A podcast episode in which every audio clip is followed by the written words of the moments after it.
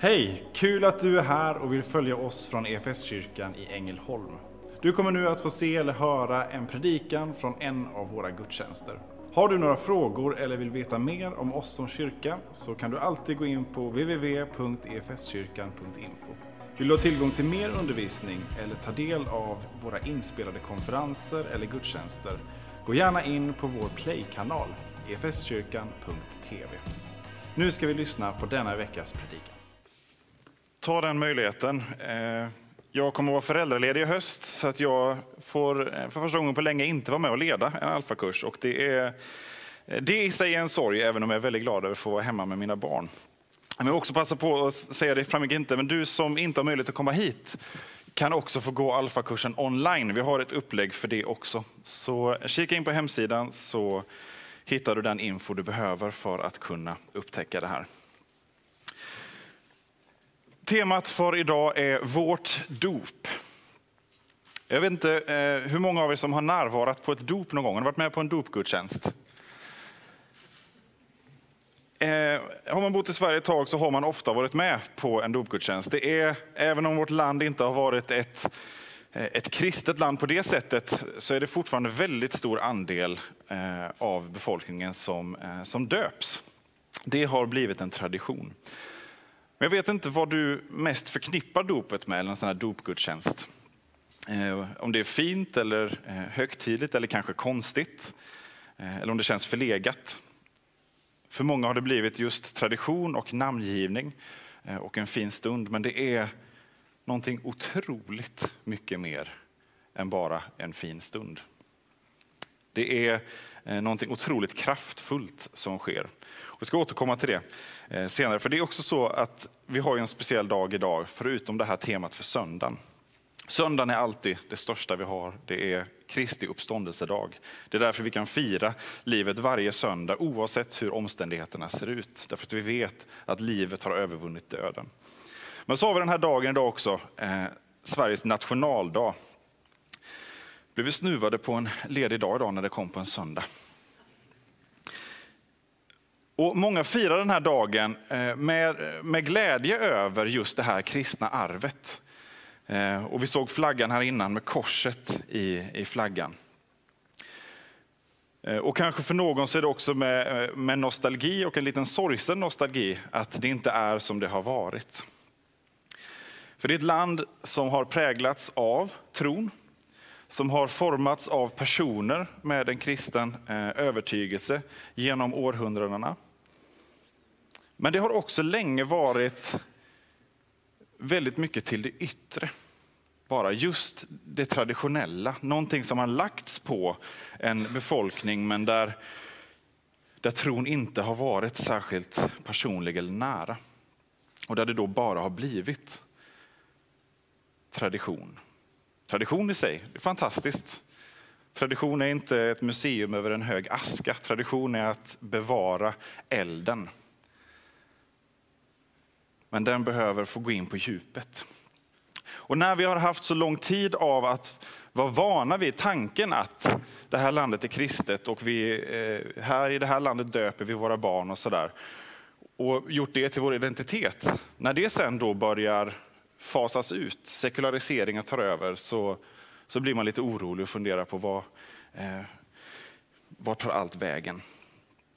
Jag tror att när, när tron bara blir bara blir traditionen eller formen eller liksom ett utanpåverk på det sättet så blir det som att vi blir vaccinerade och tror vi får en liten, liten, liten dos av det som, som tron innehåller utan att riktigt få tag Eh, i den. Och tyvärr så har vi också som kyrka gjort det många gånger, att vi låter vi håller liv i, i, i former och, eh, och sätter vår identitet i, eh, i just de här sakerna.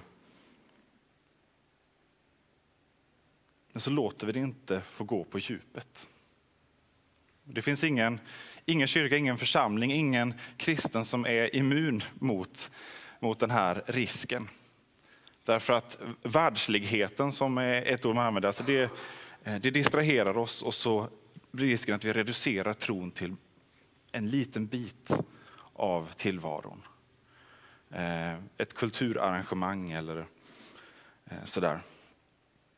Eller en namngivningsceremoni. Och så finns risken att vi blir vaccinerade mot tron därför att vi, vi tror att vi vet vad det innebär. Och det var inte så intressant.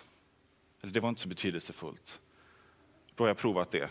Jag hade kristendomskunskap i skolan en gång kanske, eller jag gjorde ett konfirmationsläger. Och sen så tror vi att vi har fått hela bilden. Eller jag har firat gudstjänst eh, många gånger de senaste åren, men så, så känns det inte som det brukar. Tron, nej, det var nog ingenting ändå. Och så blir vi som vaccinerade. Och nu menar jag, nu vänder vi på begreppen här. Då är så tro, tro som smittar, det är någonting positivt. Och att vaccineras mot tron är något negativt. I det medicinska är det tvärtom. Smittan är något negativt, vaccinet är något mycket positivt som vi vill, eh, vill ha. Men här vänder vi på, eh, på ordningarna idag. Och vi ska få, få möta en man nu i, i Johannes evangeliet som, eh, som på ett sätt var vaccinerad mot, mot tron på det här sättet. Han, eh, han trodde att han visste Eh, vad det innebar, att han hade sett allt. Eh, att han hade hela bilden och levde ett, ett fullt trosliv. Eh, men så får han möta Jesus och så får han en tankeställare. Vi läser från Johannes evangeliet kapitel 3, de första verserna där. Bland fariseerna fanns en man som hette Nikodemus och var medlem av judarnas råd. Han kom till Jesus en natt och sade, Rabbi, vi vet att det är från Gud du har kommit som lärare. Ingen kan göra sådana tecken som du utan att Gud är med honom. Jesus svarade, sannerligen jag säger dig, den som inte blir född på nytt kan inte se Guds rike. Nikodemus svarade, hur, hur kan någon födas när han är gammal? Han kan väl inte komma in i moderlivet och födas en gång till? Jesus svarade, sannerligen, jag säger dig, den som inte blir född av vatten och ande kan inte komma in i Guds rike. Det som har fötts av kött är kött och det som har fötts av ande är ande. Var inte förvånad över att jag sade att ni måste födas på nytt. Vinden blåser vart den vill och du hör den blåsa, men du vet inte varifrån den kommer eller vart den far. Så är det med var och en som har fötts av anden.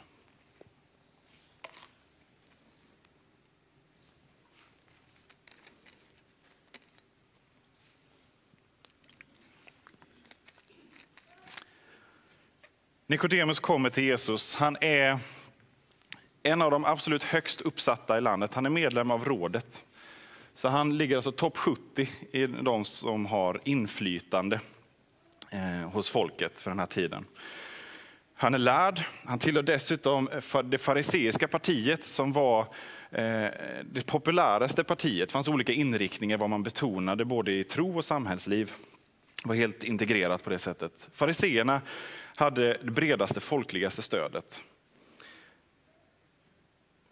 Och Många gånger så hamnar de här i konflikt med Jesus, i hur man ska tolka saker, vad man ska betona och prioritera, hur man ska förstå eh, Gud, tillvaron och sig själv. Här söker Nikodemos upp Jesus. Det är något annat nu än debatterna i templet på dagarna. Nu söker han upp Jesus. Han kommer själv, han kommer på natten. Och så hälsar han Jesus. Väldigt artigt. Eh, det han säger är sant. Vi vet att du är en stor lärare som kommer från Gud. Eh, och samtidigt så anar man redan här att, eh, att han har inte förstått vem det är han möter ändå. Det är en väldigt artig fras. Det är, eh, han hedrar den han kommer och besöker. Ingen kan göra sådana gärningar som du eh, om han inte kommer från Gud. Jesus svarar honom. Den som inte blir född på nytt kan inte komma in i Guds rike.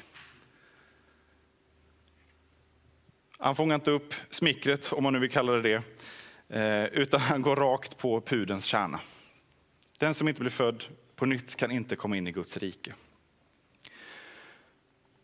Och Det här sätter igång någonting hos Nikodemus, därför att han har blivit född som jude. Han har blivit född som en av Guds folk, in i förbundsfolket. Som har en, ett unikt löfte om Guds omsorg och Guds närhet. Skulle han behöva bli född på nytt? Det är också så att begreppet född på nytt är inte obekant i judendomen. Den antika judendomen använde det här begreppet för olika eh, stadier i livet. Kanske redan så här tidigt, det vet vi inte. Eh, men det är på områden som eh, när man gör bar mitzva, när man blir religiöst myndig. Det har man talat om som på nyttfödelse. Eller när man gifter sig i ett helt nytt liv. Eller när man blir rabbin, som man var, alltså eh, lärd och ledare. Eller när man blir ledare för ett utbildningscentrum. Eh, allt det här var Nikodemus. Vi vet också att han var gift, för att man var tvungen att vara gift för att vara med i rådet. Det var ett av kriterierna. Så Nikodemus hade blivit född på nytt fyra gånger i alla fall, om det var så att det här sättet att tala om på nyttfödelse var, fanns där redan, eh, redan då. Men inte minst så har han blivit född in i folket som har det här löftet. Och han har klättrat på den här religiösa karriärstegen, eller den existentiella karriärstegen. Han har tagit steg efter steg eh, av eh, eh, var garanterad en plats i Guds rike. I alla fall i människors ögon. Rådets medlemmar, de som kan Bibeln in och utan, de måste väl ändå ha, det, ha sitt på det torra. Och så säger Jesus, den som inte blir född på nytt kan inte se Guds rike. Jesus, det är som att han inte bryr sig om eh, vad Nikodemus eh, kommer med för hälsning. Och så där. Han går direkt på det som Nikodemus själv behöver. Han behöver bli född på nytt. Inte på de här formella sätten, inte genom att bara ha, eh, ha blivit född på, på rätt plats i rätt tid fysiskt. Och vi kan fundera på hur vi, hur vi närmar oss Jesus. Är det med, med den här artigheten och eh, med vördnaden som för att smickra honom? Jesus varnar själv för tro inte att ni ska bli bönhörda för er många ords skull. Men ofta är det inte som vi broderar ut orden och, och när vi närmar oss Gud tror Även om vi vet att det inte är så, ändå någonstans så känns det ju som att nu, nu har jag väl ändå Eh, bättrat mina chanser här den här veckan. Eh, nu har jag i alla fall tre böner bädda. Eh, och så tror vi att, den här, att, att Jesus skulle vara imponerad över vad vi har klarat av på den här, i den här religiösa potten. Men så är det också så att Nikodemus kommer om natten. Det kan också få ställa en fråga till oss. Eh, för Nikodemus kommer när folk inte ser. Det fanns en, en öppen konflikt mellan hans partikamrater fariseerna, mellan rådsmedlemmarna och Jesus. De var oroliga över det inflytande som Jesus höll på att få. Och i rädsla så sökte han sig om natten. I sin ensamhet. Kanske är det så vi också söker oss eh, till Jesus. Kanske har vi tvingats till det under det här året. Vi har inte kunnat mötas tillsammans. Kanske finns du som under det här året har närmat dig eh, nyfiken på eh, om det finns någonting mer och samtidigt vågar inte inför familjen eller inför omgivningen. Eh, eller rädsla för vilka tokar vi är i kyrkan. Så är du kanske rädd för att, att ge det till känna. Oavsett hur vi närmar oss Jesus, oavsett vad vi har för bakgrund, oavsett vad vi, har på, vad vi tror att vi har för meriter, så kommer Jesus möta oss där vi är. Han är inte imponerad över våra försök, men han är inte heller förfärad över våra misslyckanden. Inte alls. Han vill bara möta oss rakt in i livet, rakt in i det som spelar roll, det som gör skillnad. Och även om han kanske här upplevs lite otålig så har han också mycket tålamod med oss. Det har kyrkan fått erfara under många år.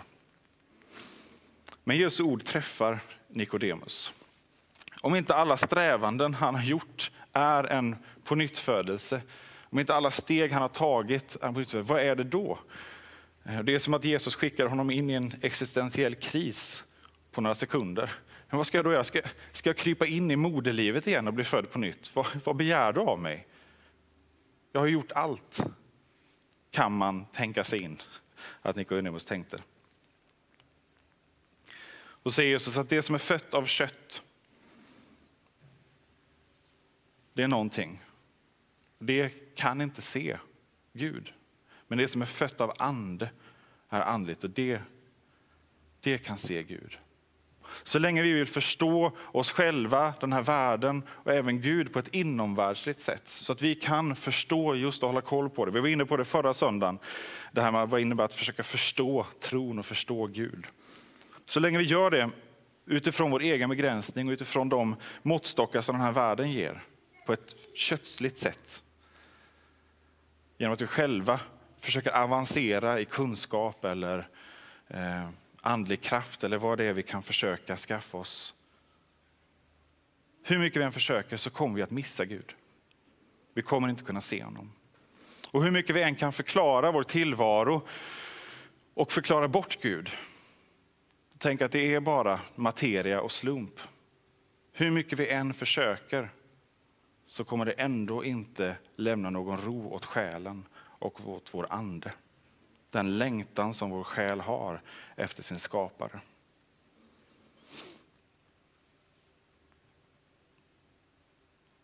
Vi har ett annat hemland än den värld vi lever i. Den begränsade och trasiga värld som vi ser. Vi är ämnade för någonting mycket, mycket större. Men människans synd den skada som ondskan, vår egen och andras, har gjort med oss, våra sår, det går så djupt att vi inte kan se. Vi har nog med att hålla näsan ovanför vattenytan och klara av vardagen. Hur ska jag kunna se och förstå och upptäcka Gud? Och den här synden, den här skadan, det som skiljer oss från Gud och som grumlar vår blick, den går så djupt så att det finns inget sätt på vilket vi kan kompensera för det här genom vår livsstil eller genom att eh, försöka göra moraliska val. Det är superbra att göra moraliska val för din omgivnings skull. Så gör det.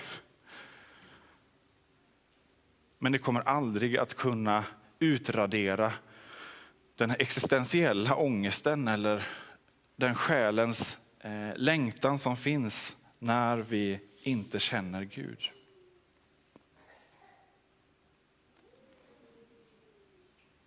Och fast Nikodemus hade lärt sig så mycket, fast han hade, kunde så mycket, varit med om så mycket, hade så stort inflytande i hela den religiösa apparaten, så kunde han inte se Gud ens när Gud gick framför honom. Han anade det. Ingen kan göra sådana gärningar som du om han inte är från Gud. Men steget att erkänna att någon är från Gud till att det är Gud som har blivit människa är ganska långt. Och här chockar Jesus Nikodemus och säger du behöver födas på nytt. Inte genom dina egna försök utan bli född av vatten och ande. Gud själv behöver låta dig bli på nytt född. Vi behöver dö från oss själva. Vi behöver dö från vår synd, från, från skadan, från det här onda. För att kunna födas på nytt och få nytt liv. Det är det här som sker i dopet. Att vi dör och att vi föds på nytt. Vi får dö från den mänskliga begränsningen, vi får dö från vår synd, vi får dö från luftslotten som som vi har byggt upp och vi får uppstå tillsammans med Jesus. Och vi kan veta att vi får tag i det här genom tron. Tron och dopet är verksamma tillsammans. Vi kan kallas Guds barn därför att vi i tro tar emot honom som Gud har sänt. För att vi i tro tar emot Jesus så kan vi kalla Guds barn. Och när vi döps så får vi bli lika honom. I en död som hans och i en uppståndelse som hans. Där livet besegrar förgängligheten och döden. Och vi måste kapitulera helt inför Gud. Vi måste ge upp. Vi måste närma oss den utblottelsen eller den svagheten som skrämmer oss så mycket. Där vi tappar kontrollen. För bara då kan vi ge upp inför Gud själv och låta honom lyfta oss och sänka oss ner i det dopets bad som ger oss nytt liv.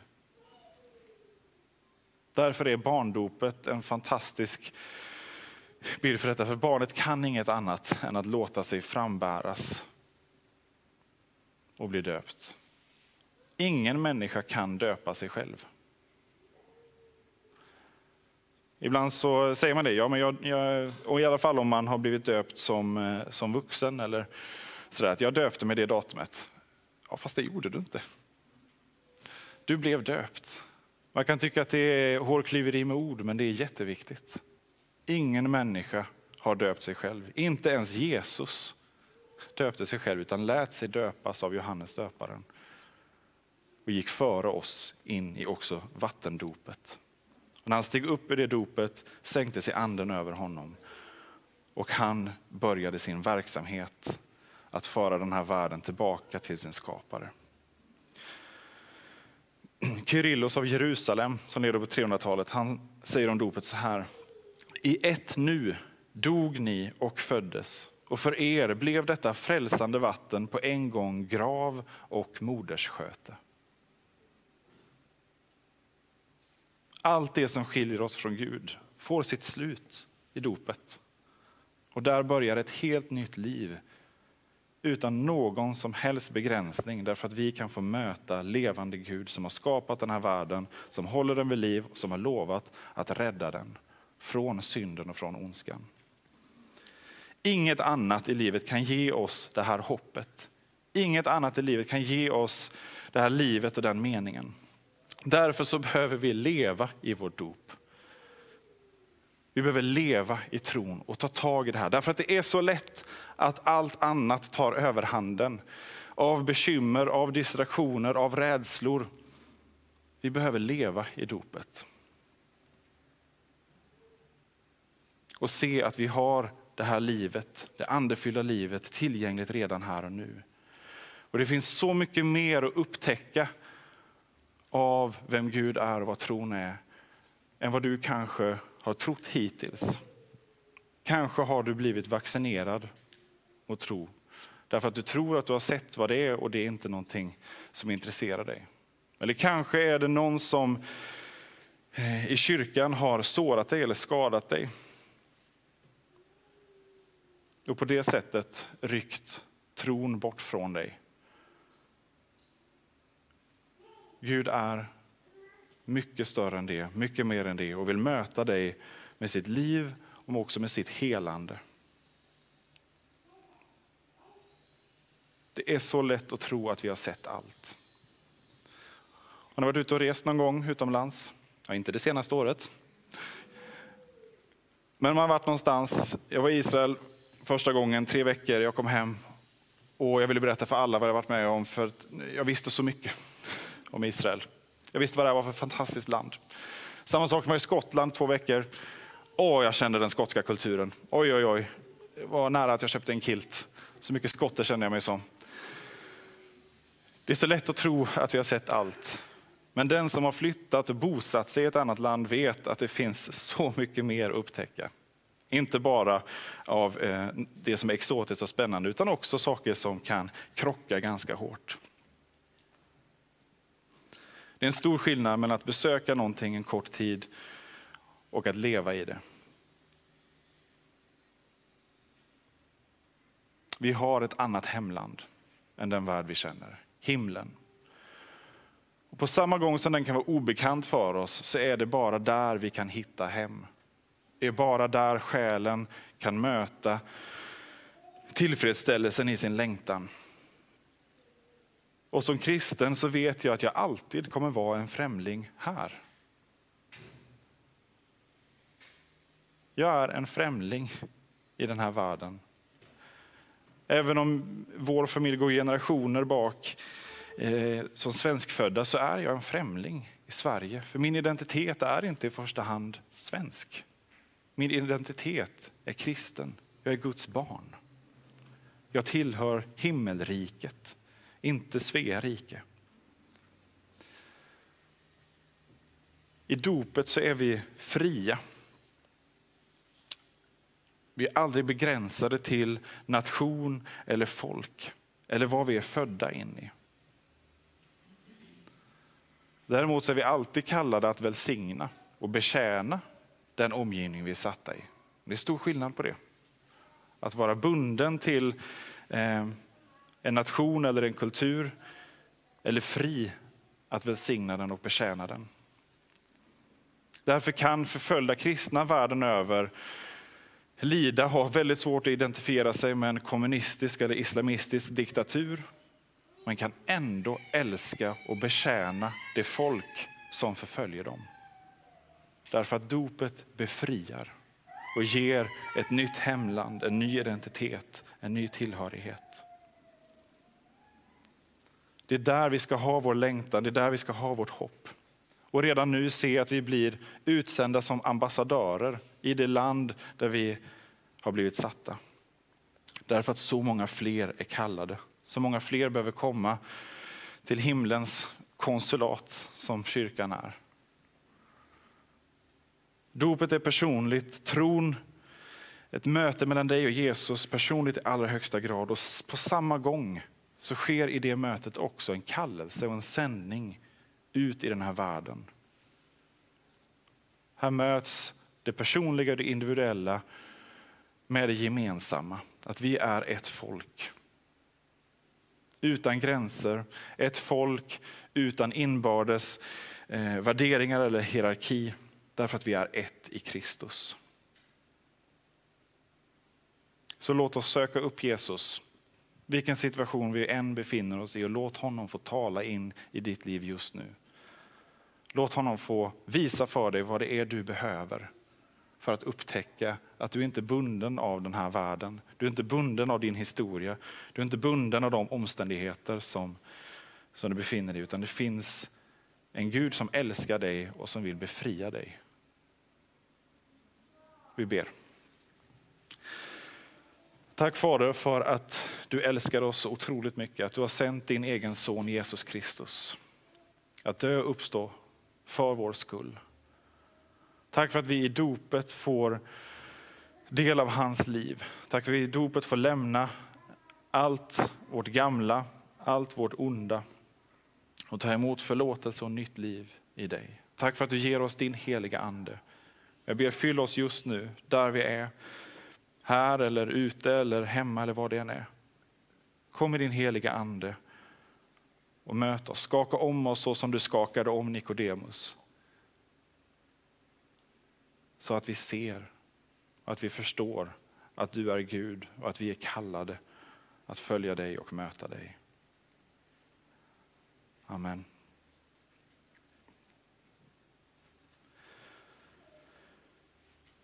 Vi ska nu också få praktisera att leva i dopet, nämligen att vi ska få bekänna vår synd och få ta emot den förlåtelse som är utlovad i dopet. Så vi ber och bekänner tillsammans. Jag bekänner inför dig, helige Gud, att jag ofta och på många sätt har syndat med tankar, ord och gärningar.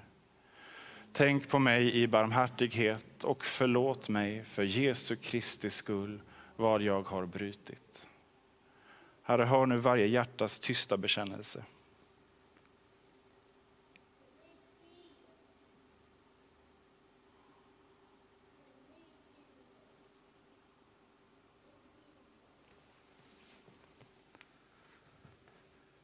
Till dig som ber om förlåtelse för din synd säger jag på Jesu Kristi befallning. Du är förlåten. I Faderns och Sonens och den heliga Andes namn. Amen. Vi ber och tackar tillsammans. Gud vår Fader, tack för att vägen till dig alltid är öppen genom Jesus Kristus. Hjälp oss att leva i din förlåtelse. Stärk vår tro, öka vårt hopp och uppliva vår kärlek. Amen. Som kyrka är det en glädje att få spela en liten roll av allt Gud gör i och genom ditt liv. Vi vill gärna fortsätta följa dig på den resan. Och vill du ta reda på vad ditt nästa steg kan vara på din resa med Gud så gå in på efskyrkan.info nästa steg. Vår längtan är att få se människor och samhällen förvandlade av Jesus. Genom en kyrka som återspeglar Guds hjärta, bär varandra och betjänar människor varhelst vi befinner oss varje dag.